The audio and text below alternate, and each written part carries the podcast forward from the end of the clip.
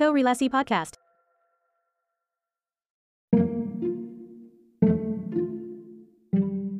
Halo, kita ketemu lagi di episode korelasi, sebuah obrolan podcast yang akan ngobrol seputar arsitektur dan kaitannya dengan topik-topik yang menarik atau aspek-aspek lain gitu dalam kehidupan. Kali ini saya kedatangan satu tamu spesial, uh, satu senior saya, satu panutan juga saya dalam berarsitektur uh, dari satu studio yang kalau orang Surabaya mungkin harusnya tahu studio ini gitu ya dari arah studio. Kita ketemu dengan Mas Hermawan Dasmanto atau Mas Iwan di topik Surabaya. Halo Mas Iwan. Halo Redi. Halo, apa baik, kabar Mas Iwan? Baik, baik. Makasih ya udah diundang ya. ya, makasih waktunya juga udah mau ngobrol yeah. buat korelasi. Uh, Mas Iwan, uh, mungkin perkenalan dulu walaupun aku pribadi yakin sebenarnya yang dengerin ini sedikit banyak tahu tentang Mas Iwan, tapi boleh cerita sedikit tentang latar belakang arsitekturnya. Mungkin keminatan arsitektur tuh sejak kapan gitu.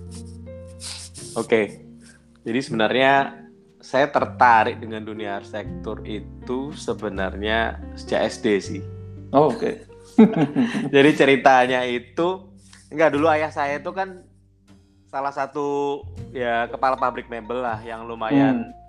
Yang lumayan well known di Surabaya gitu. Okay. Jadi banyak berhubungan sama arsitek-arsitek waktu itu. Hmm. Saya saya saya sendiri sebenarnya nggak ngerti konsep arsitek tuh nggak tahu. Saya cuma tahu dulu waktu kecil tuh saya sering banget diajakin ke apa namanya ke tempat pabrik mebel itu pabrik mebel itu hmm. terus kemudian kalau lagi setting-setting misalnya nggak cuma di Surabaya nih misalnya luar kota sekalian jalan-jalan gitu tuh diajakin gitu karena akhirnya keracunan gitu kan hmm. akhirnya lama-lama keracunan juga maksudnya kok beda banget sama rumah saya nih gitu. kok yang dikerjain lebih spesial ya. ya. iya, kok kok bagus-bagus ya gitu. Oke. Okay. Maksudnya kok satu satu dapur tuh bisa mungkin segede segede rumah saya mungkin kali satu public dapur. atau private private Gimana? gitu private, private gitu tapi spesial gitu ya iya maksudnya kayak wah terus aku, waktu itu aku di mana ya Semarang atau di Jogja terus tanya karena hmm. saking bener-bener gemesnya gitu hmm. ini nih yang bikin siapa sih aku bilang gitu kan ke hmm. hmm. bapak saya oh ini yang bikin namanya arsitek wah oh Dari jadi cuma produksi aja ya bukan desainnya Oh, oh ya, bukan, bukan, bukan. Waktu ah, itu okay. mebel cuman uh, ada divisi mebel interior gitu aja. Jadi oh, bukan. Okay. Kayak saya bukan arsitek. Mm-hmm. Tapi tapi pemahaman tentang dan apa ya mengunjungi karya-karya itu waktu saya kecil, mendatangi bagaimana mebel dibuat, mm-hmm. itu membekas sih kalau di saya gitu. Okay. Terus ayah saya itu juga sering bikin aneh-aneh gitu di rumah, misalnya apa gitu dia akal-akal gitu saya ini apa sih gitu kan hmm. maksudnya ya itulah sebenarnya yang membentuk saya Bibitnya secara ya. iya iya itu itu kayak starting point lah ya apa namanya ya hmm. kayak pemantiknya lah sebenarnya gitu okay. setelah itu setelah itu saya emang punya kecenderungan agak aneh sih di rumah itu hmm. rumah itu yang selalu beresin saya gitu kayak rumah itu rapi-rapi uh, gitu ya oh, rapi gitu saya nggak suka gitu terus saya saya beresin sendiri terus lampu-lampu yang fittingnya udah nggak bagus, saya nabung, saya beli di toko hmm. lampu, saya ganti. Gitu.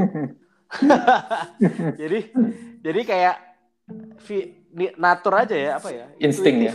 Iya insting, insting sih. Sebenarnya hmm. lebih ke insting. Saya insting aja. Aku pengen hidup di lingkungan yang uh, tertata gitu aja sebenarnya. Oke. Okay. Kemudian saat saat insting ini kan mungkin bawaan juga dari lingkungan ya. Saat uh, orang tua tadi berkutat di dunia uh, desain dan produksi mebel gitu. Terus kemudian uh, sedikit banyak juga mungkin melihat uh, tentang desain dan lain sebagainya.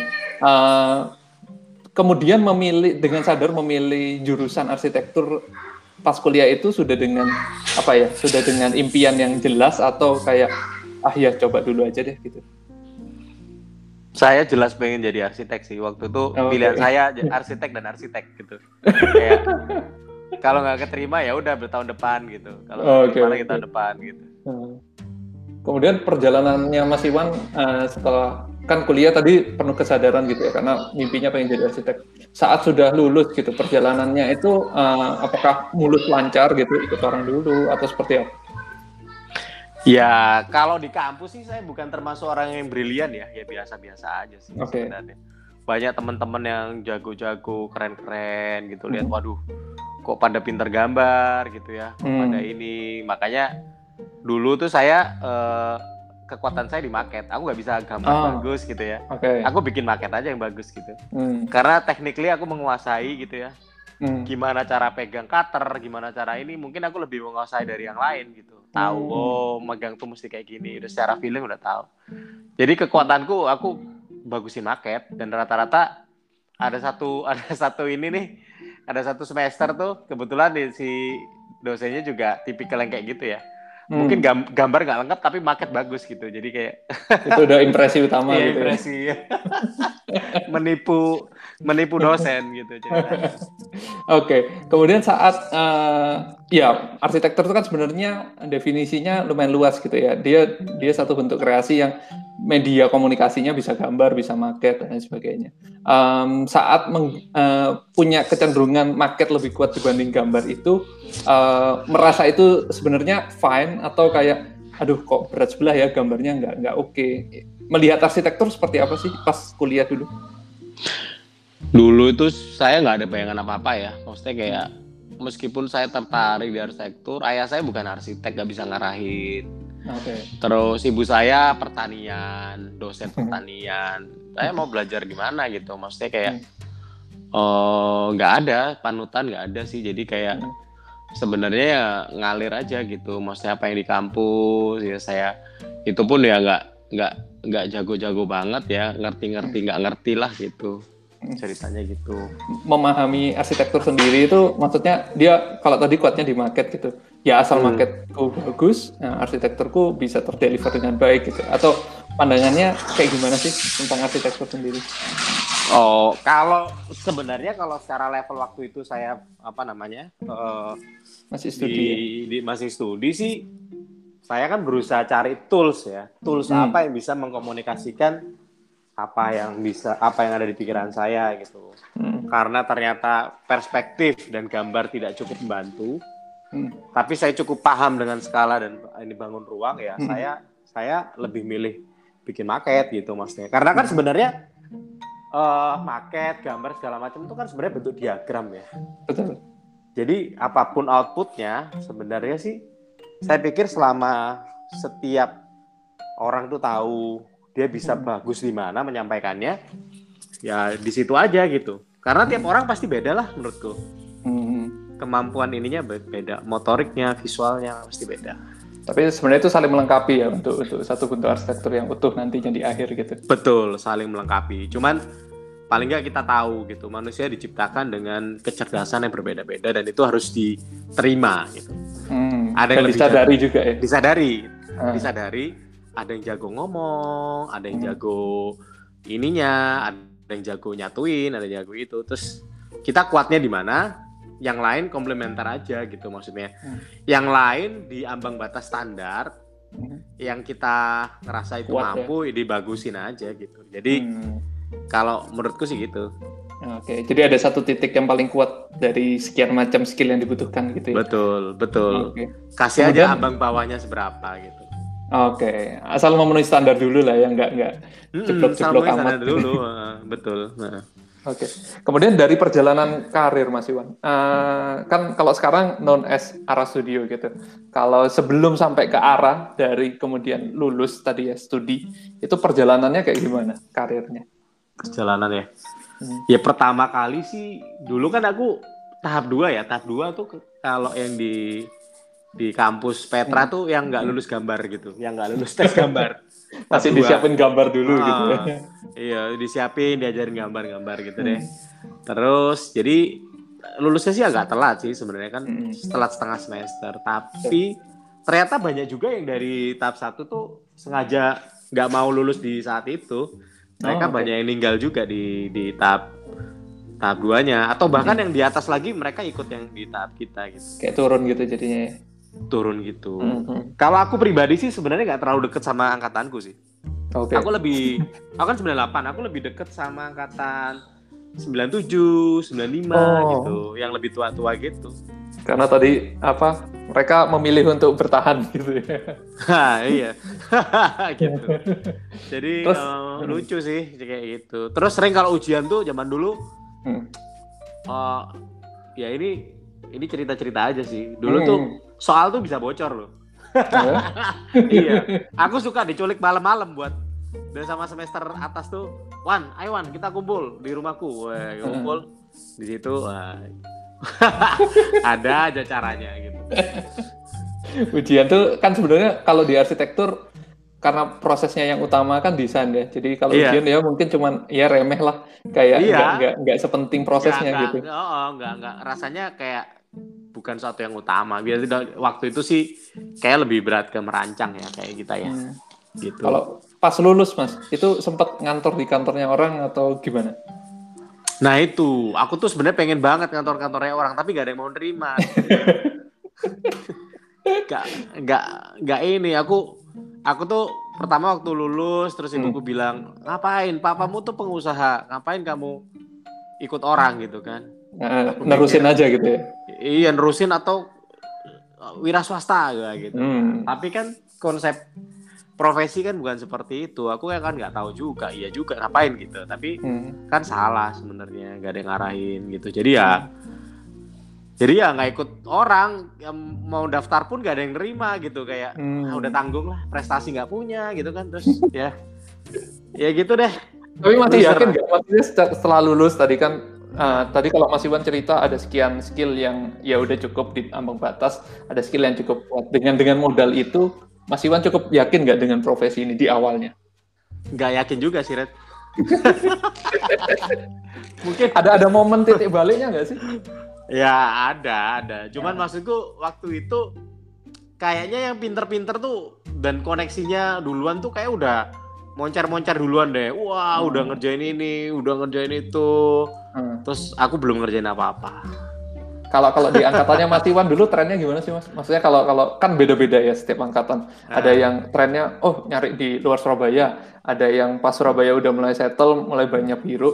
Oh, ngantor di sini nih gitu. Uh, kalau di zaman Mas Iwan gimana? Di zamanku itu tren lulusan itu terus terang waktu itu aku juga kuper ya, aku nggak terlalu hmm. tahu ya. Cuman ada beberapa sih waktu itu nambah kayak Andra Martin juga udah mulai muncul, Yori hmm. Antar muncul gitu ya. Tapi uh, masih dalam awal karir kan, gitu hmm. kan. Nah terus aku juga apa namanya uh, waktu itu juga gak ada yang ngarahin, jadi tahunya hmm. paling ya kerja ke developer lah kayak Ciputra. Hmm. atau misalnya waktu itu Pak Jimmy wah banyak juga yang ke Pak Jimmy hmm. terus ada juga yang sekalian ke Singapura lah tapi ke Singapura bukan ke biro-biro yang besar biro-biro yang gitu ya besar tapi bukan yang butik gitu loh yang kayak ah. ya tau lah beberapa produksi gitu ya jadi ya produksi gitu belum pada tataran pemahaman berarsitektur yang sebenarnya. Ya aku nggak mendiskreditkan itu ya apa namanya hmm. uh, yang yang yang yang pabrikan ya tapi maksudku uh, kan ada beberapa hal yang mesti dicari spesifik gitu karena kan sistemnya beda tuh gitu aja hmm. gitu okay. sih sebenarnya dari dari pilihan tadi kemudian Mas Iwan kan sempat mention tadi ada istilah pabrikan ada butik gitu uh, boleh cerita sedikit tentang Ara mungkin Mas Ara ini starting pointnya kapan Ara ya sebenarnya sih begitu lulus tuh Sebenarnya saya sama Goya sih, iseng-iseng aja karena kerjaan pertama itu dapat dari uh, jadi dari uh, saudaranya anak grafis. Waktu hmm. itu grafisin baru. Terus katanya ini mau bikin rumah nih gitu. Hmm. Waktu itu bikin rumah ya udah terus kita bantu lah, kita bantu. Ya waktu itu masih aku kalau nggak salah baru lulus ya. Terus hmm. si si Goya malah belum lulus. Itu satu angkatan sama Mas Goya ya? Satu angkatan. Gue ya belum oh, okay. udah ya kita bikin bikin ya udah bikin. Waktu itu aduh itu kerjaan pertamaku dengan fee aku inget banget. Satu rumah 300 meter persegi itu fee-nya 3 juta. Oh lumayan deh. Hmm 3 juta. Pengawasan hmm. selama setahun satu setengah juta. Jadi okay. per bulannya 100 berapa ribu tuh? Di tahun berapa tuh? Udah udah Krismon tahun ya, 2003 oh 2003 Ya, oke. Okay. Itu ya. itu ber, ber apa ya berafi, ber, berpartner dengan Mas ya. Goya itu kan ya. kalau sebenarnya arsitek individualis banget ya Mas. Maksudnya dia yakin mampu dan lain sebagainya. Memilih untuk berpartner dengan Mas Goya terus kemudian mengcreate arah itu apa karena Mas Goya ada ada ada karakter tertentu yang melengkapi karakternya Mas Iwan atau kayak gimana? Ya, karena karena kita orang yang berbeda sih. Hmm. kalau kita sama malah justru aneh overlap gitu ya. Iya. dia hmm. kayak apa kayak apa kita tahu lah kelebihan kekurangan masing-masing lah gitu Oke. Okay.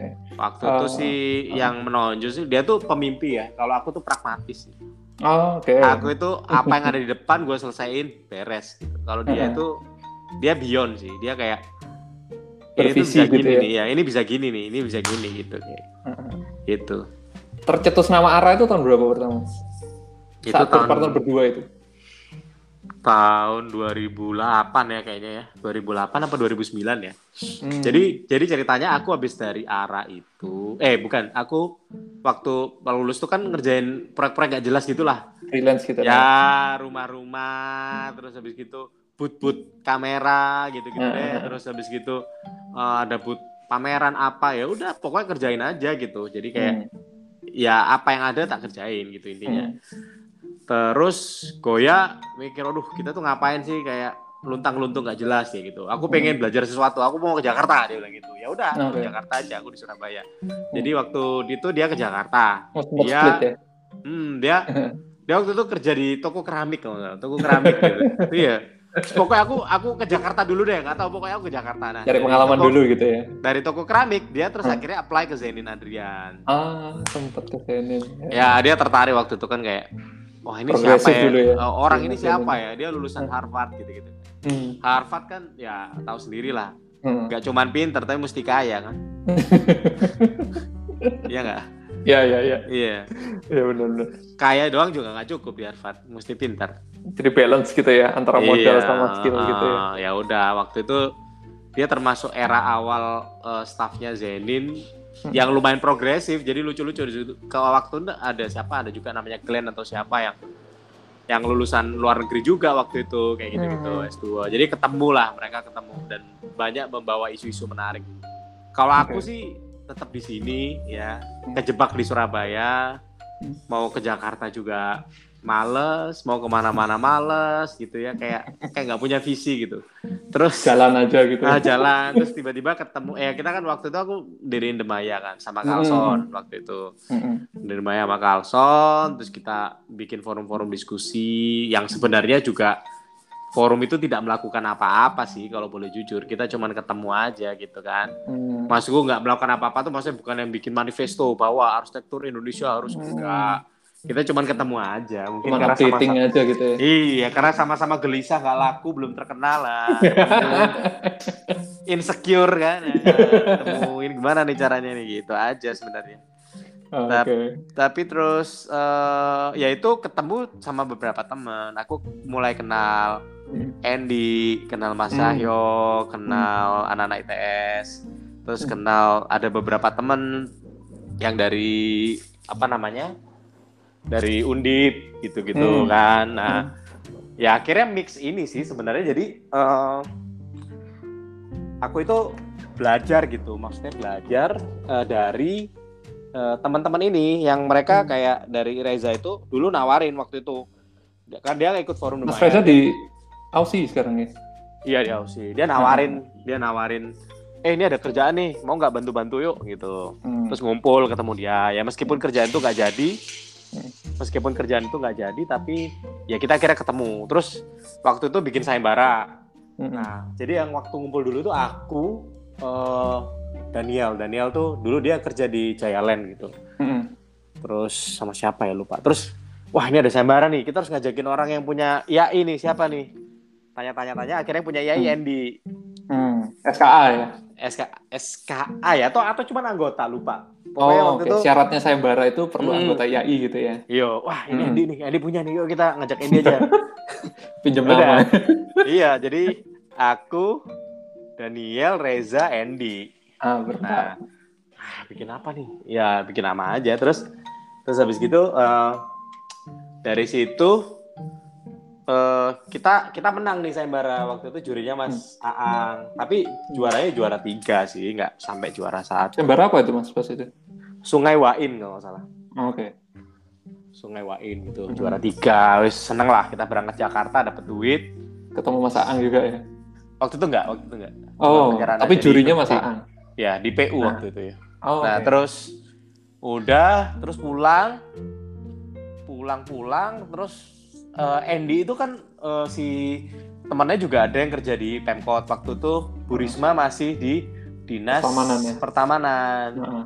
terus nawarin ini mau nggak bantuin bikin taman-taman nih cuman nggak nggak hmm. jamin nggak jamin dibangun ya pokoknya lu gagasan dulu lah proposal dulu lah gitu ya, ya, nah ya. waktu itu juga taman-taman di Surabaya kan juga masih bentuk-bentuk Romawi gitu-gitu. Asal hijau gitu ya. Nah, gitu pot-pot anu gitu kan. Hmm. Nah, waktu itu kita ya cuek aja kita kayak apply aja kayak ya udah ini kita punya Propose ide kayak ya. gini nih, mau nggak hmm. gitu kan. Hmm. Nah, waktu itu untungnya kok di luar dugaan mau Bu Risma. Entah hmm. karena beliau suka atau di saat itu transisi beliau menjadi bapakku. Oh, oke. Okay Nah, ya mungkin kayak ah udah deh biar beres deh gitu. Ya mungkin ada gitu juga. Terus akhirnya pas beda ya juga ah, beruntung aja gitu. Beruntung kayak pas beliau transisi mungkin biar cepet dan segala macam ya udah gitu kan. Ya jadilah si taman itu gitu. Itu pakai nama Rurale itu ya Mas ya? Pakai Rurale itu. Sebenarnya Rurale itu gini sih, sebenarnya dulu itu uh, aku tuh punya satu idola namanya itu Samuel Mokbi namanya. Samuel Mokbi hmm. itu dia itu profesor di Alabama hmm. kalau nggak salah. Itu dia punya namanya Rural Studio. Oh, oke. Okay. Rural Studio itu dia uh, make barang-barang bekas gitu. Hmm. Tapi refine, refine cara dia meng Gak ngasal gitu ya? Gak ngasal, gak pokoknya bekas, enggak. Barang bekas tuh jadi bagus, maksudnya jadi kayak art gitu. Hmm. Kan banyak sekarang yang beberapa arsitek mengklaim bahwa dirinya istilahnya oh ininya barang bekas gitu ya tapi hmm. nggak hmm. refine menurutku kayak pemakaiannya belum belum integratif gitu rasanya ya. dan pemahaman tentang materialnya itu loh yang nggak tuntas ah, gimana material ini disambung gimana material ini karakternya itu nggak tuntas hmm. jadi menurutku kayak gimmick aja gitu bahwa oh ya pakai barang bekas so what gitu tapi hmm. yang menjadi penting kan kenapa itu menjadi keren gitu loh maksudnya hmm. kalau hmm. kalau ini coba deh lah mau lihat ya Samuel Mokti ya hmm. studio itu keren banget sih menurutku beliaunya hmm. udah meninggal ya itu waktu itu juga pas ada Urbane Urbane hmm.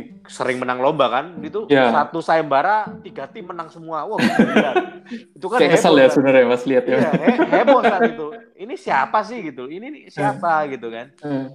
nah terus ya plesetin aja ya udah kita ur rural aja. Rural evolution. Wah sayangannya urbane gitu.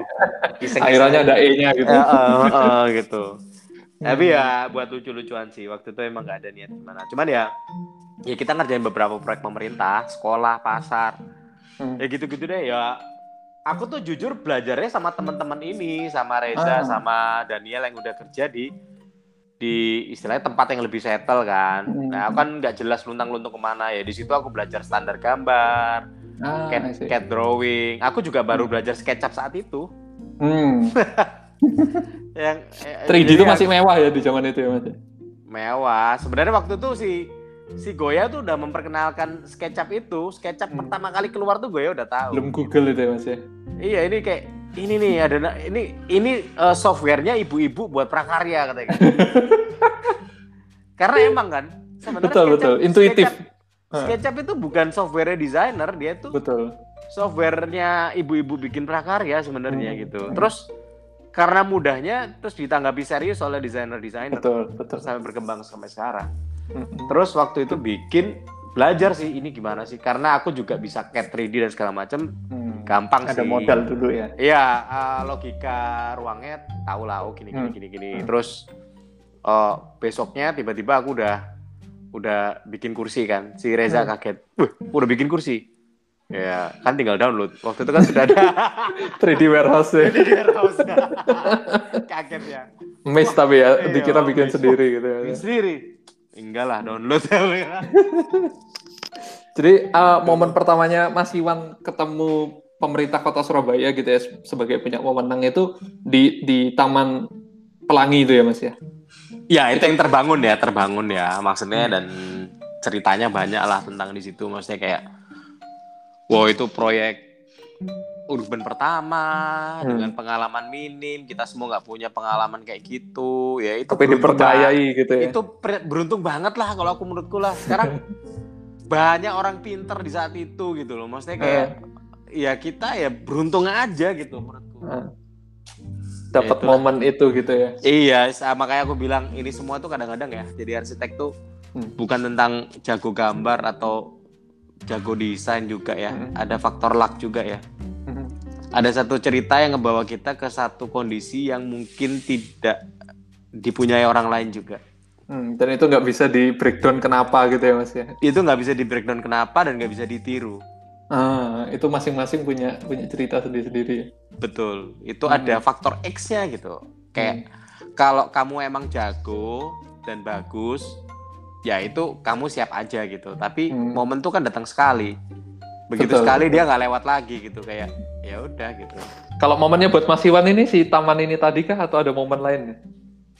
Uh, kalau Rura, jadi memang ada staging pembelajaran masing-masing sih. Kalau hmm. kayak di ini apa namanya taman ini kan belajar tentang tentang skala ruang yang lebih besar gitu. Gimana hmm. sih membuat ini? Terus gimana orang-orang berinteraksi dengan ruang-ruang itu? Terus gimana aplikasi finishing yang salah, yang nggak hmm. bener, gambar yang nggak lengkap efeknya apa?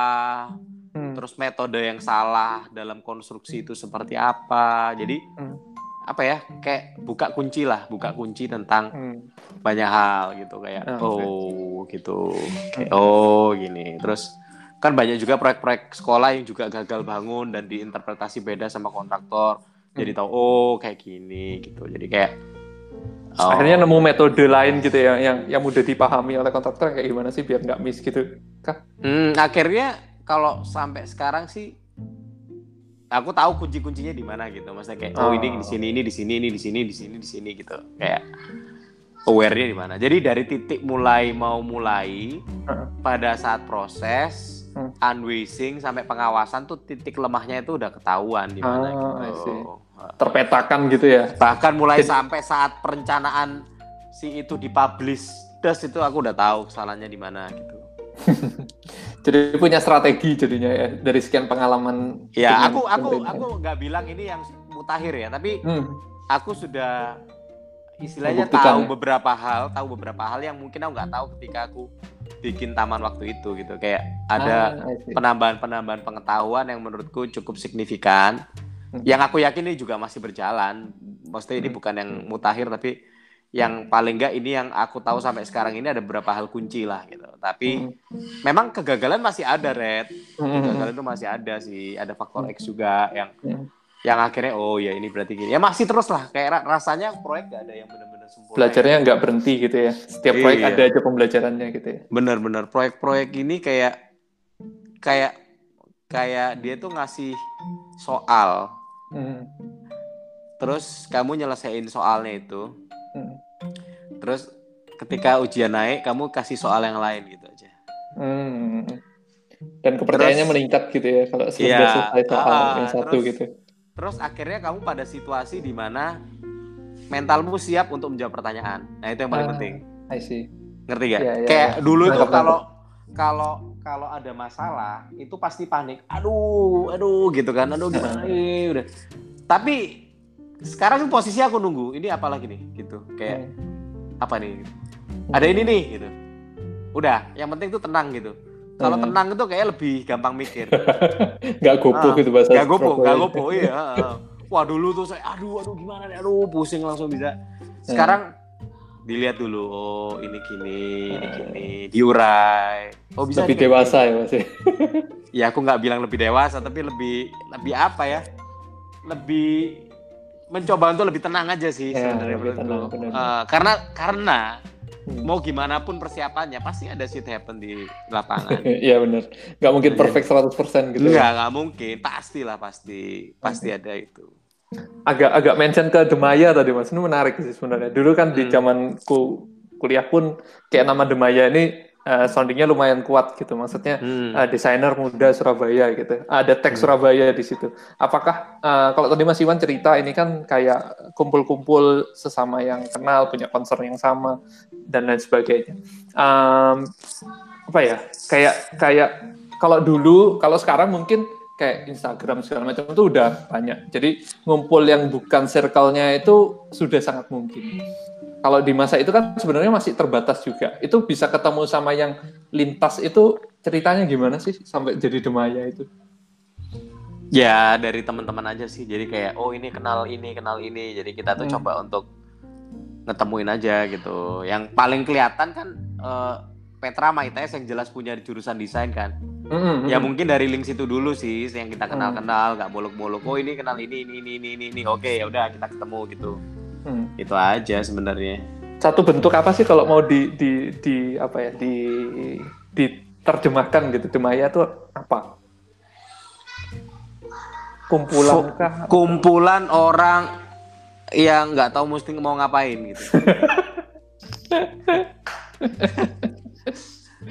tapi yeah, tapi ada teks Surabaya di situ maksudnya apakah ada ada mimpi atau ada visi tentang ya kita uh, satu bentuk apa ya, kumpulan yang perhatian lah ke Surabaya apa apa kayak gitu iya waktu itu sih kita mimpinya sederhana gini sih eh kita pengen tahu dong sebenarnya yang yang bekerja di industri desain itu siapa aja di Surabaya gitu loh. Mm -hmm.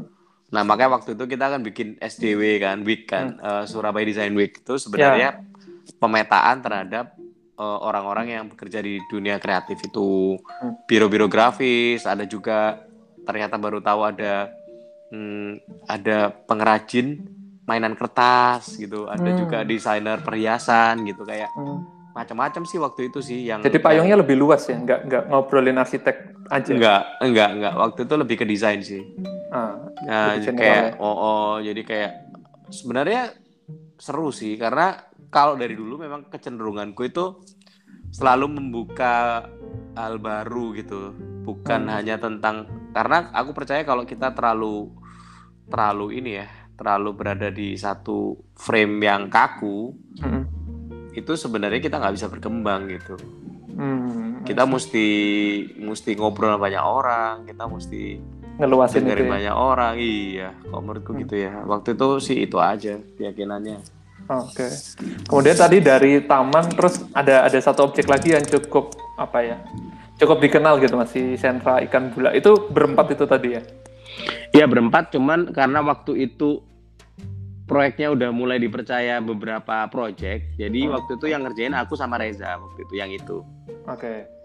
Nah, waktu ngerjain sama Reza, terus uh, ya udah. Uh, tapi di dalam perjalanan waktu itu kalau nggak salah kita 2007, kalau nggak salah aku 2008 apa 2009 aku keluar sih dari Rurale sih. Maksudnya aku hmm, ada beberapa hal yang mau aku jalani lebih dari yang apa yang aku jalani sekarang gitu loh intinya gitu aja kayak gitu dan kebetulan waktu itu si Goya itu dia katanya mau balik Surabaya gitu kayak so aku tak balik Surabaya ya, ya. gitu dan pengalamannya dia kan juga udah cukup di sana gitu kan tentang uh, bangunan terbangun tentang software waktu itu dia udah pakai arsiket sebenarnya hmm, udah BIM ya di zamannya oh, karena si Zenin Zenin tuh ngebawa pendidikan sana itu ke sampai ke software sebenarnya. Ah, Jadi mereka ya kalau untuk urusan arsitek jago banget sih, Koyo udah jago banget.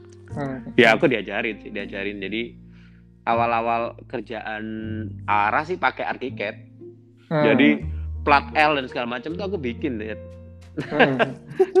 bikin sendiri. Sampai detail gitu ya 3D-nya. Sampai detail 3D-nya. Hmm. Gawe semua elemennya profil-profil baja apa bikin Ah, Cuma udah lama nggak pakai lupa ya lama-lama software itu ya kalau nggak dipakai. Iya bener. Mesti yang kayak bahasa kan dipakai tiap hari iya, gitu. Dipakai tiap hari itu tuh udah, waduh bikin ini bikin itu semua dari situ. Kalau dilihat sekarang dulu gimana bikinnya nggak ngerti lagi. Embu, lali. lupa. Oke. Okay. Terus terus bicara arah ini kan tadi dari Rurale terus uh, kayak Mas Iwan punya yeah. konsentrasi sendiri terus Mas Goya pulang jadi arah gitu ya Mas ya. Benar, benar, benar. Waktu tuh Rurale uh, si Carlson sempat masuk juga. Jadi dari berempat hmm. tuh akhirnya belum ada KSAD itu ya. belum. Sebenarnya ada. KSAD tuh eh ada nggak ya? KSAD tuh lupa gue ya. Pokoknya uh. dia kan sempat ke Singapura dulu kan kerja. Iya, kan, betul. Di DP kan. Terus habis itu pulang sini terus dia apply soalnya kayak apply oh konco dewi lah apply ya padahal join sebenarnya iya ya aku bilang sih ya nggak apa-apa kita kan berteman ya ngapain pakai apply apply gitu gitu kan ya mungkin wawasan dia di Singapura juga diperlukan di biro ini juga kan tapi memang yang akhirnya aku sadar bahwa bayangin ya hmm. uh, prinsipalnya lima orang pegawai cuma dua apa tiga terus ya apa cara kerja nih gitu. iya kan? Iya iya benar. Bulat lah bulat bulat Maksudnya, jadi prosesnya lebih panjang dari seharusnya iya, gitu ya, terlalu ya, banyak orang terlalu banyak hmm. orang juga. Gemuk kan perusahaannya jadi gemuk. Nggak nggak hmm. bagus juga. Nah makanya aku hmm, waktu itu aku bal aku aku nerima satu pekerjaan. Pekerjaan pertamanya Ara itu justru di Makassar. Oh oke. Okay. di Makassar itu kita bikin satu restoran lah gitu. Hmm. satu restoran yang nggak tahu dia dia ini aja bikin gitu kan dia punya pom bensin terus dia bikin kayak food court gitu hmm. ya waktu itu sih heboh banget sih si tempat ini waktu itu yang pertama kali di sana yang hmm. industrial lah yang apa rame sering jadi acara-acara gitu waktu itu hmm. okay. nah makanya sebenarnya ada beberapa kalian yang sampai sekarang itu di Makassar tuh karena sebenarnya proyek pertama kita di Makassar itu kayak ada ada kenangan tersendiri gitu ya sama sama kota iya itu. benar benar hmm. termasuk yang sama siapa sama Mas Aang ya sempat kolaborasi oh iya juga. iya iya iya itu Goa itu kayak sidoarjonya sidoarjonya Makassar lah gitu kayak ah, second satu city jam gitu ya. berjalan ya, ya, ya ah. kayak gitulah itu sebenarnya ngembangin ruang publik di sana ya Mas ya iya betul betul jadi lucu sih tempat itu itu sebenarnya orang Makassar itu kalau weekend ke sana hmm. kan karena lapangannya gede kayak 7 hmm. hektar gitu hmm. nah di Makassar sendiri nggak ada lapangan yang cukup proper untuk dibuat nongkrong enak gitu loh maksudnya hmm. karena udah mungkin terlalu rame padat dan segala macem hmm. mereka milihnya ke pinggiran kota bisa lari-lari jogging hmm. apa gitu-gitu sih di situ hmm, okay. kemudian uh, sempat ngerjain ini juga ya mas ya galeri Surabaya itu kan satu hmm. satu proyek yang sebenarnya teks Surabayanya makin makin kental lagi gitu ya. Harus merepresentasi Surabaya dar, dalam satu bentuk ruang yang uh, apa ya dibuat wisata ya sebenarnya. Nah, uh, itu itu gimana ceritanya? Ya waktu itu sih di jadi waktu itu si Pak Edwin Navarin kan yang punya yeah. proyek itu kan. Nah grafiknya kan si Bayu grafik chapter. Nah Bayu tuh merekomendasikan kita, Pak ini aja Ras Studio aja coba gitu kan. Hmm. Terus ya aku bantu, Pak apa yang bisa dibantu nih? Hmm. Jadi mereka punya satu tempat itu, pokoknya tempat itu dia bilang ini gratis buat orang Surabaya kalau pengen tahu Surabayawan. Hmm. Yang lain bayar, yang ini gratis gitu kan. Oh ya aku tertarik. yeah. Nih kamu gua kasih duit segini, kelolaan. Sampai fisik gitu ya? Sampai fisik, wis aturan ngono. Hmm. Uh, oke juga nih gitu kan ya udah mulailah kolaborasi sama ini sama waktu itu ada Mas Anas Hidayat juga buat hmm. konten hmm. terus ada graphic chapter gitu kan macam-macam ya kolaborasi pertama di situ sih Karena pembacaan saya... tentang Surabaya penting nggak dalam membuat itu Iya kan akhirnya jadi belajar lagi. Aku kan juga nggak ngerti juga tentang Surabaya sebenarnya kan. Hmm. Maksudnya di kurikulum mulai SD, SMP, SMA sampai kuliah tuh kamu ada tayang bahas kota Surabaya? Gak ada. Gak ono. Lucu. Itu menurutku lucu. Masa gini, pendidikan kita diarahkan untuk nasional, iya betul. Tapi pengetahuan tentang lokal tidak ada. Maksudku bukan akhirnya menjadi kita romantisme tentang Surabaya ini enggak ya. Tapi maksudku pengetahuan dasar tentang karena begitu lulus kan kamu akhirnya tahu kota ini apa sih ini kota betul, apa betul. dan mesti ngapain dengan kota ini gitu akhirnya orang-orang kan otodidak hmm. trial error gitu jadinya ya betul betul betul betul hmm. ya okay. gitu sih maksudnya kayak ya ada beberapa hal yang menurutku penting sih untuk me menaruh posisi kamu tuh siapa kamu di mana potensinya apa gitu loh maksudnya hmm. karena karena itu yang membedakan kita gitu maksudnya antara hmm. kita yang di sini sama yang di sana itu kan berbeda-beda gitu. Oke. Okay. Setelah berpraktik dan menghasilkan karya yang yang cukup banyak gitu ya Mas Iwan. Uh, melihat Surabaya sendiri sebagai dalam konteks arsitektur tuh Surabaya kota yang kayak gimana sih arsitekturnya? Hmm. Pertanyaan yang sulit ya. atau terbagi-bagi gitu. Kalau kalau dilihat sekilas kan kayaknya ada Surabaya Utara, ada Surabaya Selatan, Surabaya Tengah. Itu ada pembagian yang rigid kayak gitu atau kayak Surabaya ini generalnya kayak gini gitu. Hmm, memang ya setiap kota juga punya ya, meskipun hmm. Jakarta sendiri juga punya ya. hmm. kayak orang-orang di Jakarta Selatan mungkin lebih kece hmm. maksudnya nggak maksudnya meskipun duitnya nggak sebanyak yang di utara tapi ber lebih berani untuk Exposing mengeluarkan. gitu ya? kayak berani gaya lah gitu. Uh, tapi kalau yang utara kan cenderung melihat bahwa kemewahan tuh dalam sesuatu yang lain bukan ruang dan desain gitu. Hmm. sebenarnya mirip juga sama yang di sini sih. Lo orang Surabaya itu kaya kaya loh. Kalau gitu ya mas iya kalau kita ngomong nih guyonannya orang-orang anak-anak tuh anak-anak muda kalau datang kalau anak Jakarta ketemu anak Surabaya nih gitu ya. Hmm. yang di Jakarta eh lu kerja di mana? Oh gue gue kerja di perusahaan multinasional ini ini ini. Hmm. lu kerja di mana? Oh, aku punya pabrik di sini gitu. Jadi kayak levelnya udah bukan kerja lagi bukan kerja. punya pabrik. Hmm. jadi sebenarnya udah beda dari tapi memang mungkin hal itulah yang membuat secara perspektif berbeda ya kayak hmm. kalau lu ngomongin udah perusahaan multinasional berarti hubungannya kan seperti apa kan hmm. terus kalau kamu ngomongin tentang perusahaan sendiri berarti kan lingkupmu lebih kecil gitu kayak hmm. ya udah keluarga. Tapi perannya lebih besar ya. Nah, ah, kayak gitu-gitu sih. Jadi lebih ke background itunya ya kayaknya menurutku ya. Hmm. Kalau kalau pas itu kan kalau Mas Iwan inget ya pernah ke Petra buat sharing itu Mas Iwan bawa satu materi yang uh, sedikit banyak membreakdown tentang Surabaya gitu. Uh, hmm. Surabaya itu kayak gini gini gini dan lain sebagainya. Arsitektur punya peran untuk untuk apa ya untuk merubah itu, mendefine ulang itu dan lain sebagainya. Uh, kalau kalau Ara punya concern ke sana nggak sih tentang Surabaya ini di treatment khusus gitu? Uh, treatment khusus secara uh, spesifik seperti apa mungkin aku juga belum punya gambaran seperti apa ya. Maksudnya kayak hmm. aku mungkin kerja kerja pada level frekuensi yang aku inginkan gitu. Maksudnya kayak hmm karena aku tahu banyak di luar sana tuh banyak frekuensi sebenarnya hmm. jadi uh, ya aku tidak berusaha menyenangkan semua orang sih hmm. aku berusaha melakukan apa yang aku percayai itu bagus buat aku gitu maksudnya ngerti gak hmm. jadi memang aku nggak terlalu yang heroik wah aku merubah Surabaya nggak juga hmm. sih sebenarnya kayak hmm.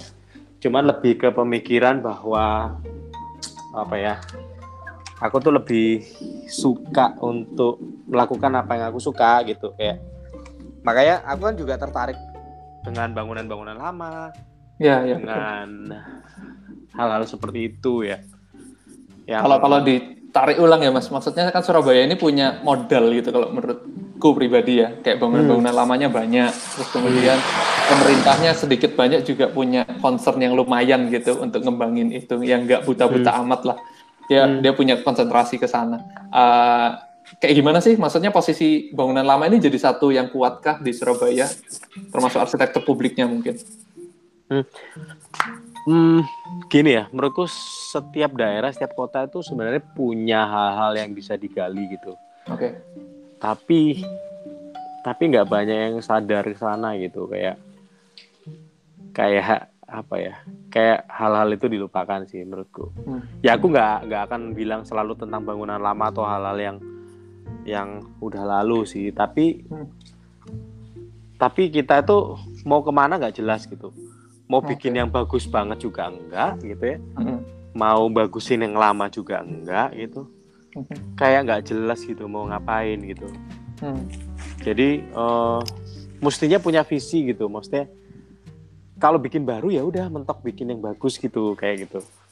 Hmm, uh, jangan abu-abu gitu ya mas iya jangan abu-abu gitu. Jangan jangan di tengah-tengah gitu. Hmm. kalau misalnya bikin bangunan yang lama bikinlah yang bagus kalau bikin kontemporer bikinlah yang bagus gitu. Hmm. kan okay. kalau kita ini kita ngomong banyak proyek tapi ya mediocre semua ya. Hmm, nggak bawa ini ke mana-mana gitu rasanya. Nggak bawa ke mana-mana gitu. Hmm kalau kalau bicara yang yang lain mungkin kalau sektor private gitu mas kan Ara punya karya yang di apa ya bangunan publik tapi miliknya mungkin perorangan bukan milik pemerintah itu kemudian kan di develop yang sedikit banyak akhirnya orang paham kayak konsentrasinya Ara kayaknya di sini deh termasuk bangunan-bangunan lama yang di refine kembali kayak beberapa kafe dan lain sebagainya hmm. uh, itu kesempatan atau Mas Iwan fokus memang di mengulik bangunan lama? Nah, itu dia aku juga nggak tahu, Red. Maksudnya kayak itu jalan Tuhan gitu Jalan Tuhan mungkin atau aku nggak tahu kok ujung-ujungnya ketemu bangunan lama gitu. Aku nggak meminta dalam doaku sekalipun ya. Hmm. bahwa aku akan dikasih proyek-proyek bangunan lama itu nggak terbersit gitu. Tapi hmm. ya mungkin konteksnya mungkin ya karena di Surabaya banyak bangunan lama, hmm. orang kalau mau bangun terus daripada bongkar eman-eman bikin gitu ya. baru aman-aman gitu kan dan selalu ngebawa ke sana dan seolah-olah highlightnya mungkin wah bangunan lama lagi bangunan lama lagi ya mungkin nggak juga hmm. ya mungkin karena di Surabaya kalau di tengah kota ya banyak bangunan lama gitu aja sih hmm. gitu ya sih ya, terus ya, benar, benar. dan dan dan cuman kamu yang bisa memberikan kesempatan apakah bangunan itu dilihat enggak gitu ah pilihan bener gak ya mas ya lo iya maksudnya bangunan itu bakal maksudnya kamu kamu ngerasain terus uh. dan dan kamu melakukan satu dengan bangunan itu atau enggak gitu kan hmm. kan proyek-proyek proyek-proyek di tengah kota banyak kafe-kafe hmm. di tengah kota juga banyak yang di hmm. bangunan-bangunan lama gitu maksudnya. betul betul Iya kan? Bangunan lamanya dilihat sebagai sesuatu atau diajukan iya, gitu ya. Benar, lihat sesuatu atau gimana. Dan gimana kamu berinteraksi dengan itu. Hmm kalau dari sekian pekerjaan yang arah hasilkan uh, saat misal ada bangunan lama gitu ya mas ya. Terang-terangan dari owner eh ini pertahanin ini rombakan gitu. Atau itu uh, usulan dari Mas Iwan sendiri? Uh, itu usulanku sih sebenarnya. Kayak aku ngeliat kan budget wise juga ya kayak ah, okay. bapak mau spend berapa sih? Itu mhm, mhm. jadi aku bisa menurunkan ekspektasi gitu di titik titik yang proper hmm. daripada aku muluk-muluk tapi gak kesampaian gitu ya gak kesampaian mending aku tahu aku mesti mikir apa gitu hmm.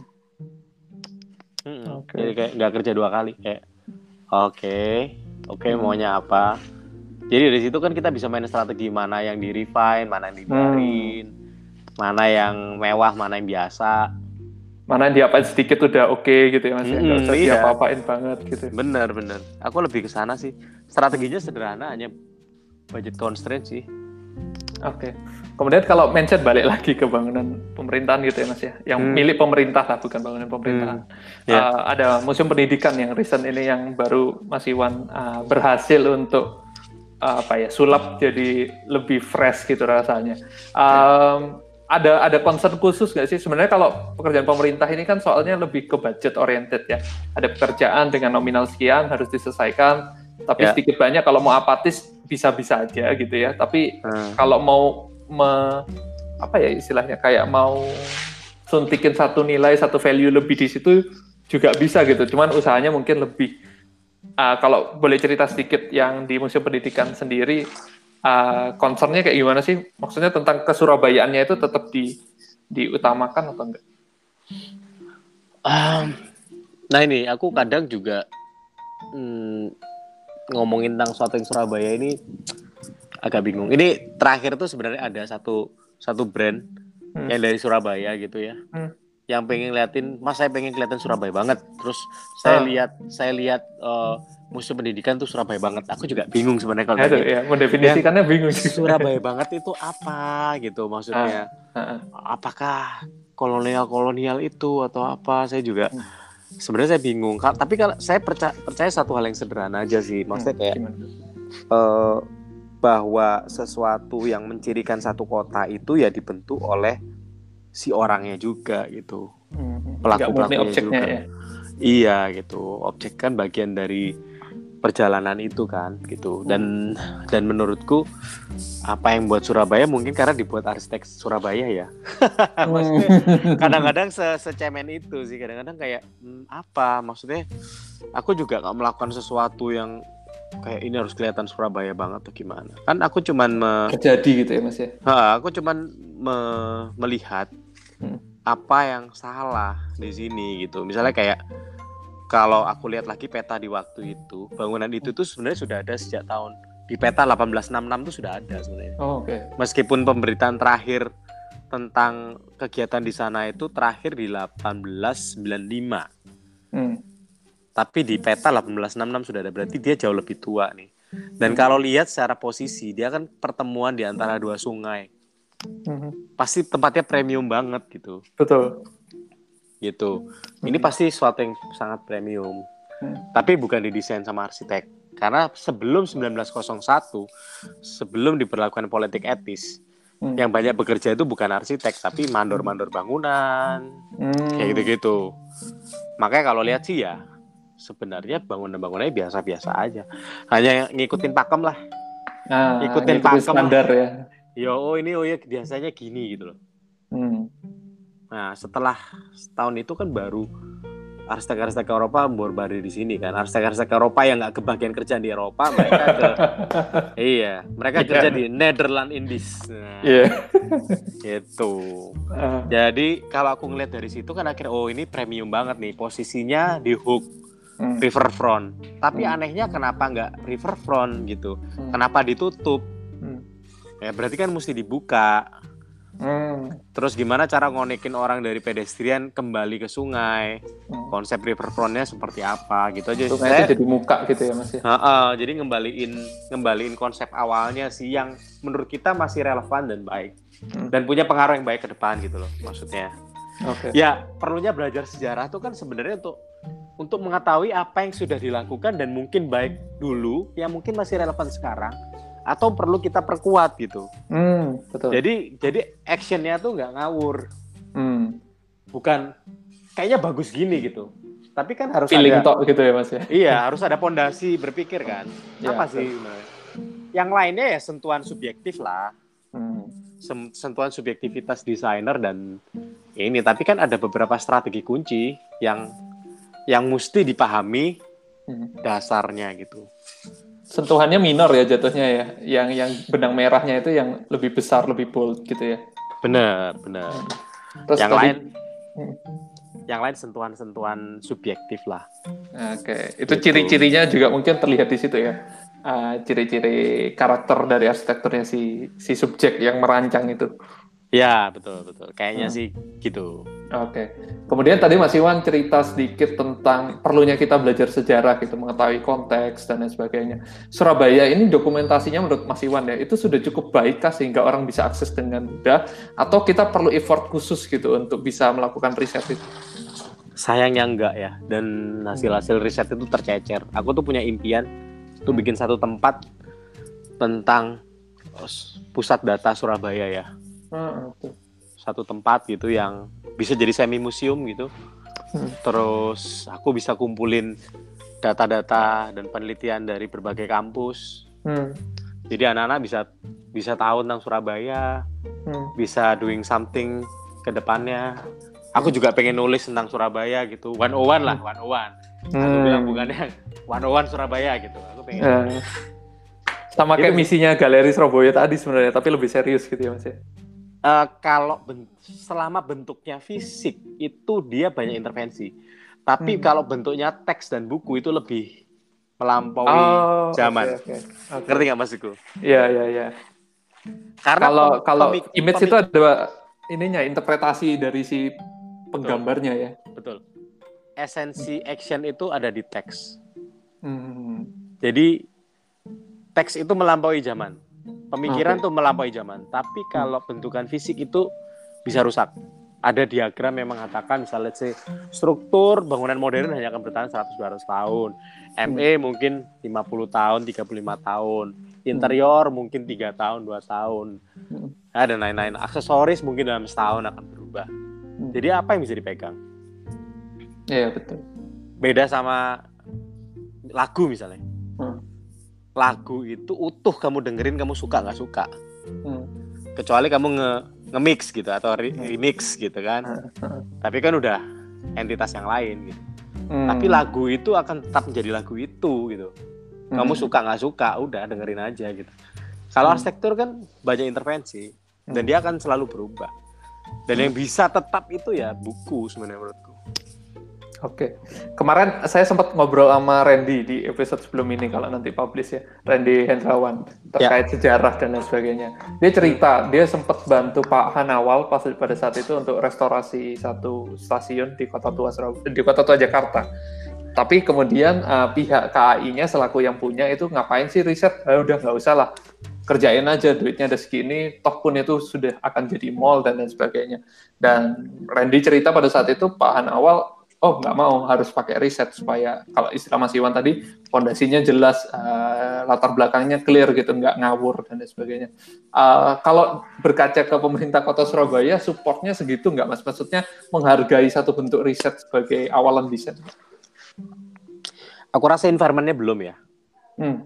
bahkan metode metode men metode untuk memperbaiki fisik aja nggak belum ada yang proper. Uh-huh. Maksudku ada sih uh-huh. tim ahli cagar budaya dan segala macam, tapi kan tatarannya tataran itu. Tapi maksudku misalnya yang lebih detail ke spesifikasi bangunan, metode belum ada ya, hmm. belum ada ya. Rasanya kayaknya kita harus punya ya. Hmm, betul. Terus kalau kalau belum ada tadi atau tim cagar budayanya ada, tapi mungkin batasannya terbatas gitu ya, nggak sampai implementasi di lapangan. Uh, yang dilakukan Mas Iwan sendiri begitu dapat proyek atau pekerjaan yang setipe itu, umumnya maksudnya gini, riset itu kan perlu usaha ya mas ya. Tapi hmm. kadang ap, uh, apresiasinya nggak nggak setara sama apa yang sudah kita lakukan.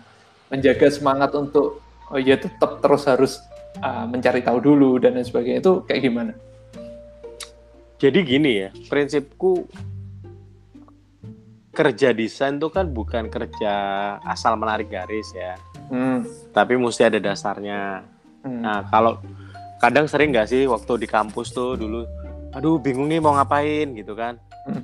atau bingung nih desainnya kayak apa. Itu sebenarnya karena nggak tahu Konteksnya. kenapa. Iya nggak tahu kenapa gitu. Hmm. mungkin semudah semudah ngelebarin jalan ternyata atau semudah uh, membongkar yang harusnya nggak nggak ada di situ gitu. Itu ternyata actionnya sederhana gitu ya? Iya ternyata actionnya sederhana gitu kayak ternyata cuma butuh penghapus gitu. Hmm. Ya nggak sih? Iya benar-benar. Kadang desain itu bukan tentang menambahkan objek, mungkin ah. bisa jadi mengurangi objek. Betul betul. Nah, kapan ditambah dan kapan kurangi kalau kamu nggak tahu, gimana hmm. kamu? Ah sih. Nggak bisa clear gitu jadinya mau mau goalnya apa sih gitu ya kalau terus iya. terus desain tapi desainnya nggak punya tujuan akhirnya ya mudah terbelokkan, mudah uh, arahnya nggak jelas gitu ya. Bener. Karena kan bikin tuh kan gampang tuh, Red. Iya betul. Bikin bikin garis kan gampang. Sret, nggak jadi naikin jadi ini. Atau enggak gitu ya? Iya ini. Itu sih. Kemudian kalau bicara ARA sendiri kan sebenarnya nggak hanya concern ke proyek ya Mas, beberapa kali ARA ini terlibat di critical context juga satu bentuk apa ya studi atau bentuk apa kayak pengamatan atau riset dan lain sebagainya yang yang karakternya mungkin sangat Surabaya gitu karena unitnya unit hmm. Surabaya. Hmm. Uh, kan kalau dilihat sebenarnya nggak setiap kantor atau biro punya konsentrasi ke sana gitu, nggak punya apa ya perhatian untuk hal-hal itu gitu lah. Ya udah sibuk cari proyek, cari duit dan lain sebagainya. Uh, apa sih yang melandasi arah punya punya konsentrasi ke sana? Balik lagi sih, balik lagi di dasar kenapa kita bikin biro. Oke. Okay. Maksudnya gak, gak mungkin ada biro yang gak cari duit lah. Hmm. Cuman kan bensinnya apa gitu. Hmm. Kalau bensinmu ini cuma uang, hmm. aku tuh nggak yakin aku bisa bertahan sampai sekarang Red di Surabaya. I see. Uh. Ngerti gak sih? Ya benar-benar. Maksudnya kalau bensinku tuh uang, aku tuh nggak akan yakin aku nggak akan bertahan sampai sekarang. Aku mending jadi satu yang lain yang lebih cepat menghasilkan uang lah. Kalau istilah Pak Erwin ada makanan hati, ada makanan raga gitu ya mas. Hmm, benar-benar. Temanku lebih cepat kaya duluan. Hah? Maksudnya di awal-awal karir, Hah? mereka sudah punya semuanya gitu. Hmm. Terus kalau aku eh, bensinnya uang, aku udah ganti profesi, Red. Iya kan? Ya benar-benar. Iya kan? Nah, salah satu yang membuat aku hidup tuh ya hal-hal kayak gitu. Hmm. Mengetahui hal baru. Hmm. Itu sih kayak kayak makanan sih keharusan sih kayak huh? kayak kamu kalau ibadah huh? itu bukan karena disuruh tapi karena kamu butuh aja gitu. Ya, betul betul. Iya kan? Karena ada kerinduan, keresahan. Iya, gitu. iya kayak ya aku aku butuh ke sana, bukan aduh mesti ini gitu Hmm. Nah, itu bukan cuma kewajiban doang gitu ya mas? Ya? Iya. Hmm. Karena kamu yang butuh, bukan bukan karena kamu harus. Oke. Okay. Terus terkait sama kan beberapa teman-teman dari Petra juga uh, ngikutin critical context yang di ARA ya, unitnya ARA. Uh, hmm. Sedikit banyak dari yang uh, aku pribadi perhatikan mereka berkembang cukup drastis gitu mas. Oh ya? Dari, dari aku proses. aku butuh tahu loh, butuh tahu maksudnya. Iya benar. Seberapa drastis? Uh, jadi kritis satu. Oh ya? Kedua, jadi oh, suka mempertanyakan gitu ya. Maksudnya seru juga, kalau dulu, juga. ya ya ya gitu ya. Mungkin uh. kalau kalau bahasa ekstrim jadinya lebih rebel dalam tanda kutip. Oh gitu ya. Wah, seru seru seru seru. Aku kan aku malah belum tahu loh impactnya di kampus. Maksudnya kayak aku tuh hmm. waktu mereka datang ya aku cuman bilang aja bahwa inti-inti yang dilakukan pertama kali adalah ber, mempertanyakan semuanya gitu. Ya. Uh. Uh, terus dari mereka begitu nggak tahu, terus mereka ya. juga ngerasa aduh. Terus mereka tak suruh cari tahu gitu. Uh. Lo kenapa gitu? Oh iya pak saya cari tahu. Loh kenapa kayak gitu? Jadi sebenarnya hanya memancing aja. Uh, supaya yeah. supaya mereka supaya mereka juga ngerasa bodoh gitu kayak iya iya kok gak ngerti ya gue ya belum ngerti apa-apa oh, ternyata iya, ya. gue ngerti apa oh ya uh, apa ya dan menurutku memang waktu itu Petra aku cukup acungi jempol itu aku nggak tahu ya atau mungkin karena anak-anaknya juga ya kayak uh. anak-anaknya juga oh kritis-kritis sebenarnya menurutku maksudnya gampang diarahin kan ada juga yang lu mau kasih pertanyaan apa juga uh, gitu kan ada juga kan. Iya, iya. Tapi kebetulan nggak tahu di yang kemarin gelombang yang kemarin itu hmm. mereka kayak on fire gitu loh sih. uh, oke ini apa lagi nih gitu, apa lagi gitu kan. Makanya yang terakhir itu ada Moses, Mike, uh, ya, Timmy ya Mas. Ya? Timmy, gitu-gitu. Uh. Terus mereka tuh lucu-lucu kayak mereka menemukan banyak hal gitu loh kayak hmm. oh ya ini lucu juga sih kayak strukturnya oh si tim itu sampai masuk masuk ke dalam makam gitu sampai uh. saya harus masuk pak saya harus masuk gitu ya lucu lucu sih tapi kayak hati-hati loh ya aku udah bilang gitu hati-hati ini pokoknya keamanan duluan gini gini ya, uh. intinya sih intinya sih mereka on fire dan ketika berada di lingkungan yang ngepush kayak gitu mereka jadi makin gila gitu loh iya betul makin gila gitu kalau on fire tapi lingkungannya nggak support, Iya, padam, padam, ya mas ya. Padam, padam. Ya untungnya mereka memang kejar-kejaran tuh. Wah, lu udah kayak gini, aku gue bisa gini nih, gue bisa gini. Hmm. Ya memang kuncinya salah satu emang diarahin sih kayak oh ini jangan gini gini aja ini mungkin gini opsinya tapi aku berusaha untuk membuat seolah-olah keputusan itu dari mereka gitu supaya mereka punya kepercayaan diri khusus gitu iya supaya mereka kan yang yang yang betul tuh kan bukan memberikan keputusan dari kita, tapi membuat satu pertanyaan yang kemudian buat mereka membuat keputusan sendiri. Betul, punya kedewasaan jadinya ya. Benar. Uh. Itu seru-seru. Tadi sih makin kritis pasti gitu ya, bertanyanya makin makin sering. Kedua hmm. mungkin apa ya? Mungkin kalau mau bicara skill design juga berkembang ya, Mas. Oh iya. Uh, satu dua hal. Iya, iya, itu, teman yang agang itu kan uh, apa ya kalau nanti mungkin tak share juga ya karya-karyanya mereka tuh vibe-nya tuh vibe-nya arah gitu nggak tahu kenapa ya sama kayak sama kayak tadi Mas Iwan susah define ini Surabaya banget Surabaya banget oponnya sih kayak nggak ngerti uh, sebenarnya apa kayak yeah. kalau saya boleh li eh, boleh boleh ini boleh describe karya mereka juga arah banget gitu padahal nah. sebenarnya kalau mau di define arah yang kayak gitu juga susah gitu ya hmm. uh, tapi nanti tak share beberapa karya mereka atau mungkin mereka juga share sendiri gitu ke Mas Iwan yeah. uh, terakhir ini kan kita sama mereka bikin galeri tentang arsitek uh, oh. lokal gitu ya hmm. itu hasil-hasil karyanya cukup ini sih cukup lebih gitu dibandingkan teman-teman yang mungkin katakanlah nggak magang, nggak nggak beraktivitas yeah, yeah. arsitektur saat libur, hal-hal seperti itu. Uh, ini ini satu jadwal yang reguler kah mas? Maksudnya untuk apa ya hal-hal ngasih perhatian ke hal-hal seperti ini nih terjadwal khusus di arah atau kayak uh, iya ya, sih. Tahun ini ada Cuman, tahun, gitu. sayangnya tahun ini covid ya. Iya benar. Uh, sayangnya ini covid ya. Kalau ya mungkin bisa cari cara untuk online ya Hmm. Cuman vibe-nya nggak dapet sih kalau online yeah. karena kan ketemunya kan panasnya diskusi. Hmm. Gitu-gitu sih. Kritis-kritisnya. Oh, ke lapangan lihat gitu kan. Hmm. Bisa nggak lihat barang. Emang kamu tahu kenapa ini kok gini? Hmm. Wah, cari tahu gitu. Hmm. Terus disentil. Kalau di satu titik kayak seolah-olah kita balik keadaan mereka kok nggak mau mikir, wah dimikir gitu kayak. Hmm bisa gitu. Kalau online ini memang ada beberapa hal yang hilang sih. Ya mesti mungkin metodenya mesti beda lagi. Aku nggak tahu. Aku belum menemukan metode yang pas. Karena ini mendadak juga ya kondisinya. Hmm, karena mendadak mungkin mesti dipikirkan cara lain gitu, ya. cara lain gitu. Aku nggak tahu juga. Hmm. Gitu. Sip. Uh, mungkin part-part terakhir ya mas ya. Uh, obrolan hmm. kami udah satu jam juga. Uh, ada mimpi nggak mas untuk arsitektur Surabaya? Mimpinya ya. Hmm Oh, Selain yang tadi ya dokumentasi apa riset dan lain sebagainya.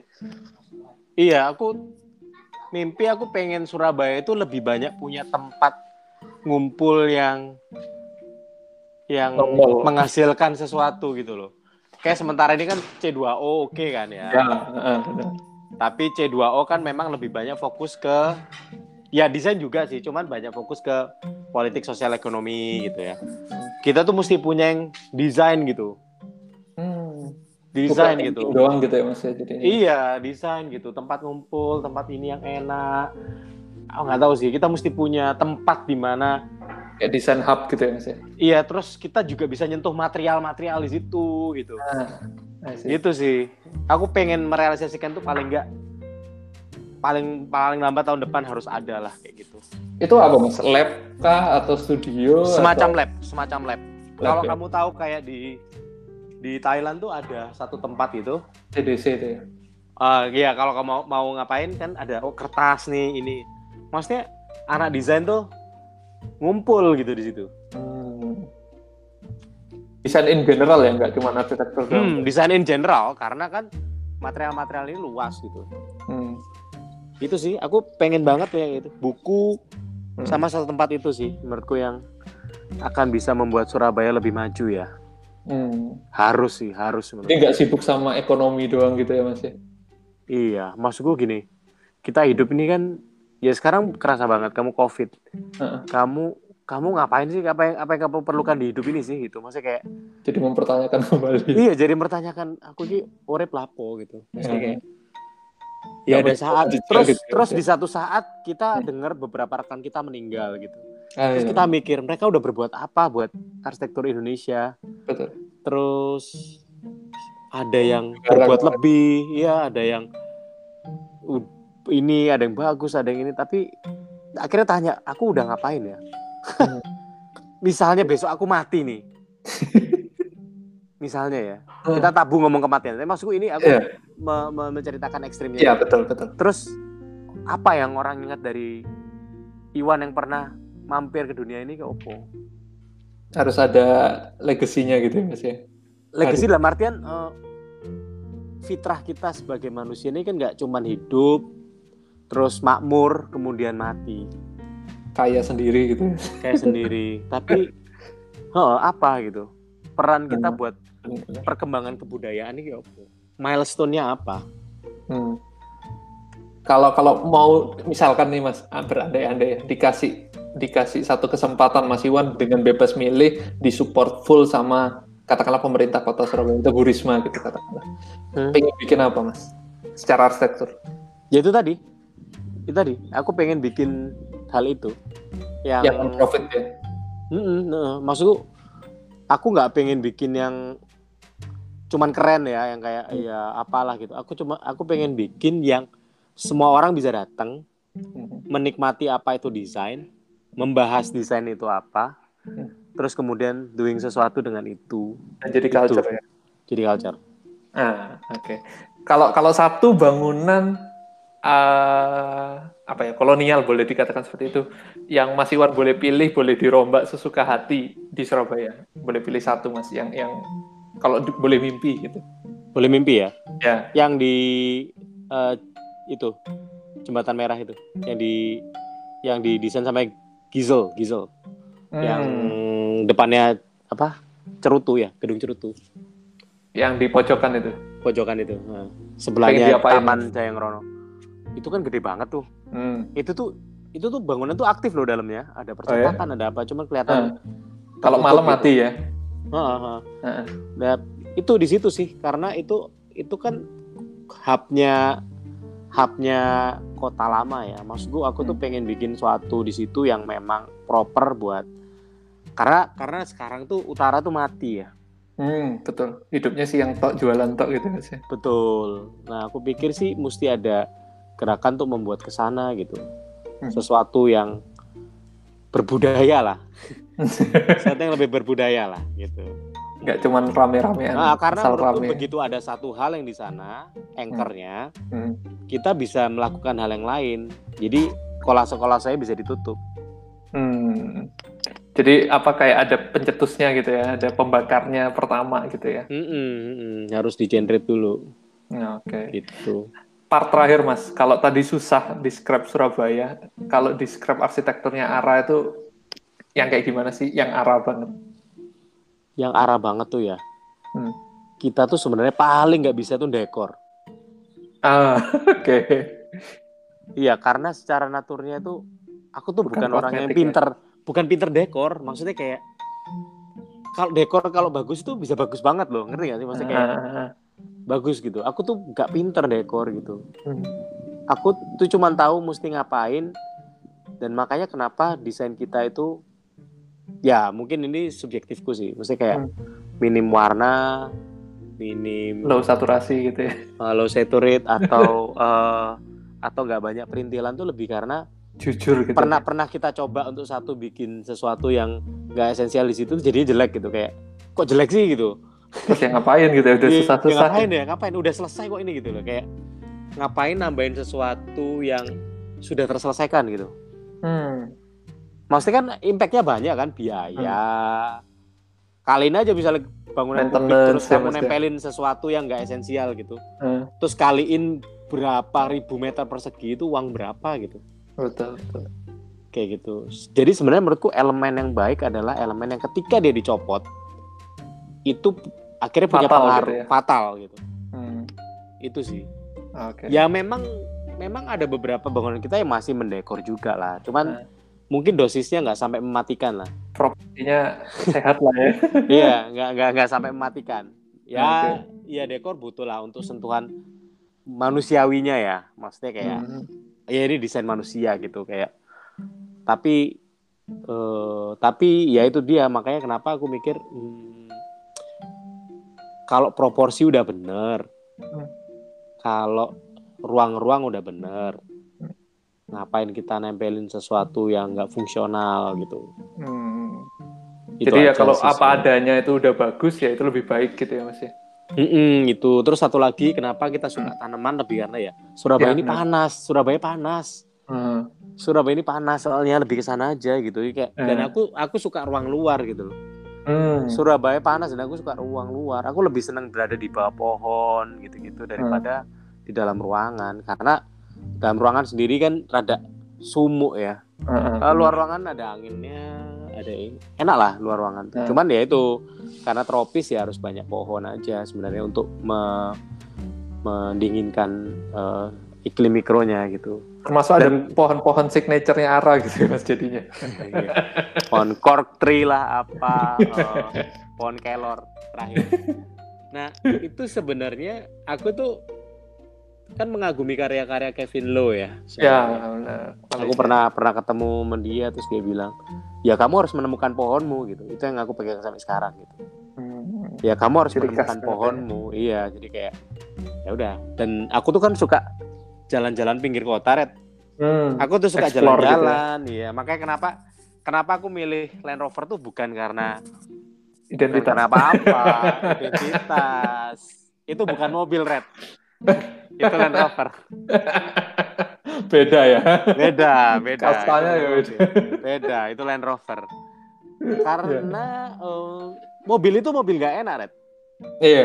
Kayak mobil itu, kan. Mobil itu bocor. Lebih enakan katana, Red. Oh iya. Mobil itu bocor. Tapi perasaan mengendarai dan bahagianya itu susah diomongin. Gak mungkin. Dan itu mak itu menjadi rahasia selama 70 tahun.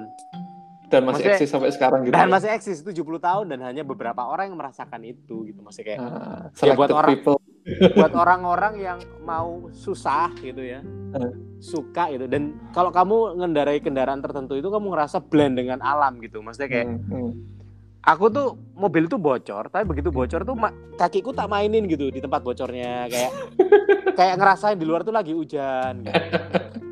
kayak gitu gitu realistis ya iya jadi jadi kamu tuh nggak kepisah sama alammu gitu ah, itu sih itu sih ini ini ini pandangan subjektifku ya tentang mm -hmm. kenapa aku milih kendaraan itu juga ya maksudnya kayak di satu sisi aku ngerasa blend aja waktu aku kalau kalau di kota emang kayaknya kurang cocok ya kalau di kota hmm. Hmm, karena mungkin macet dan segala macam hmm. kurang cocok cuman kalau pas begitu bener-bener di pinggiran kota ya suburban perimeter ya. waduh kemarin survei foto juga deh nah sensasinya tuh nggak ada yang ngalahin sensasinya tuh nggak ada kayak kayak gini lah kamu pakai kaos ke kondangan salah nggak uh, looksnya mungkin salah ya. Lah salah kan, looksnya salah, tapi bisa dipakai kan?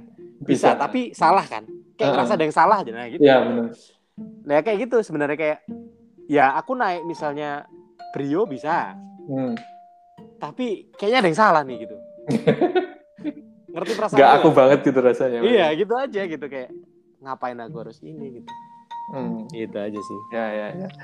Ini ini tadi kelewat Mas kalau boleh satu lagi. Uh, tis sedikit Mas, Balai Pemuda ini mau diapain sih? Jadi Balai Pemuda itu kan hmm, sebenarnya kalau lihat aksesnya kan dia langsung ke Balai Kota tuh kan. Ya. Nah. Terus koridor itu di kanan ke di kirinya Balai Pemuda, kanan tuh sebenarnya ada satu bangunan lagi yang baru dibeli sama Pemkot. Uh. Dulu punya dokter dipakai uh. untuk ya nantinya untuk untuk museum sebenarnya juga. Oke. Okay. Nah, jadi koridor itu nanti eh, apa namanya nyambung. Jadi antara yang kiri itu Balai Pemuda nyambung hmm. sama sebelah kanan taman. Di situ ntar ada taman. Oh, Oke. Okay. Ada taman, ada bangunan lama satu hmm. yang akan dihubungkan dengan tunnel. Hmm, basement ya.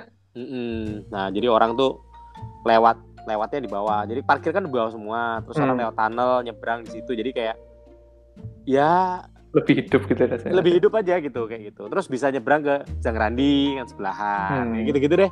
Ya, ya, ya. Kayak lebih menghidupkan lebih... kembali karakter di sana bener, gitu ya. Benar, Jadi di situ nanti ruang-ruang uh, plazanya yang mencoba dihidupkan. Jadi hmm. plaza yang daerah tengah itu yang dulu penuh dengan parkir kosong sekarang. Terus uh, yang di area di area pinggir itu kita juga uh, kosongin hmm. nyambung sama yang seberangnya yang taman. Jadi kayak hmm. kita tuh pengen jadi kayak alun-alun gitu ya Mas ya. Alun-alun hmm. barunya Surabaya lah gitu. Ah, sih lebih ngeling satu sama lain nggak nggak parsial sendiri-sendiri tapi nah. bisa dinikmati utuh gitu ya uh, dan dan sebenarnya kalau grand designnya itu nggak hmm. cuman nyambungin seberangnya itu empat sisi itu bakal nyambung lewat tunnel pakai tunnel hmm. nah jadi itu kan perempatan kan uh, bioskop nah, Indra gitu ya nah itu nyambung tar uh, terus Indra yeah. ke Granada itu nyambung juga. Uh, Granada okay. ke tamannya nyambung juga jadi mestinya dia tuh orang bisa keliling di situ looping gitu ya mm -hmm. hmm. Oke, okay. sip. Uh, thank you Mas Iwan, uh, waktunya sudah boleh ngobrol panjang lebar. Sama-sama ya, makasih Rewa. Uh, Mas Iwan, kalau tak mention sosmednya boleh ya, buat teman-teman yang boleh. mungkin pengen tahu dan segala macam. Mas Iwan di IG ada di Hermawan Das ya Mas ya, H E R M A W A N D A S H. Uh, kalau arah studio tadi arah titik studio titik ID. Ya. Itu mungkin terbuka untuk diskusi ya Mas ya, kalau mau ada yang pengen nanya-nanya segala macam. Boleh termasuk nanya-nanya Land Rover tadi ya. Boleh, boleh. Oh, join ke Land Rover klubnya dan segala macam kayaknya silakan. seru banget gitu merhatiin. silakan. Sosial life-nya Mas Iwan gitu. Oke, okay, okay. terima kasih banyak Mas Iwan. Thank you ya. Uh, waktunya sukses terus untuk Ara. Uh, sampai ketemu teman-teman di episode korelasi yang lain. Uh, semoga lebih menarik lagi ke depannya. Terima kasih.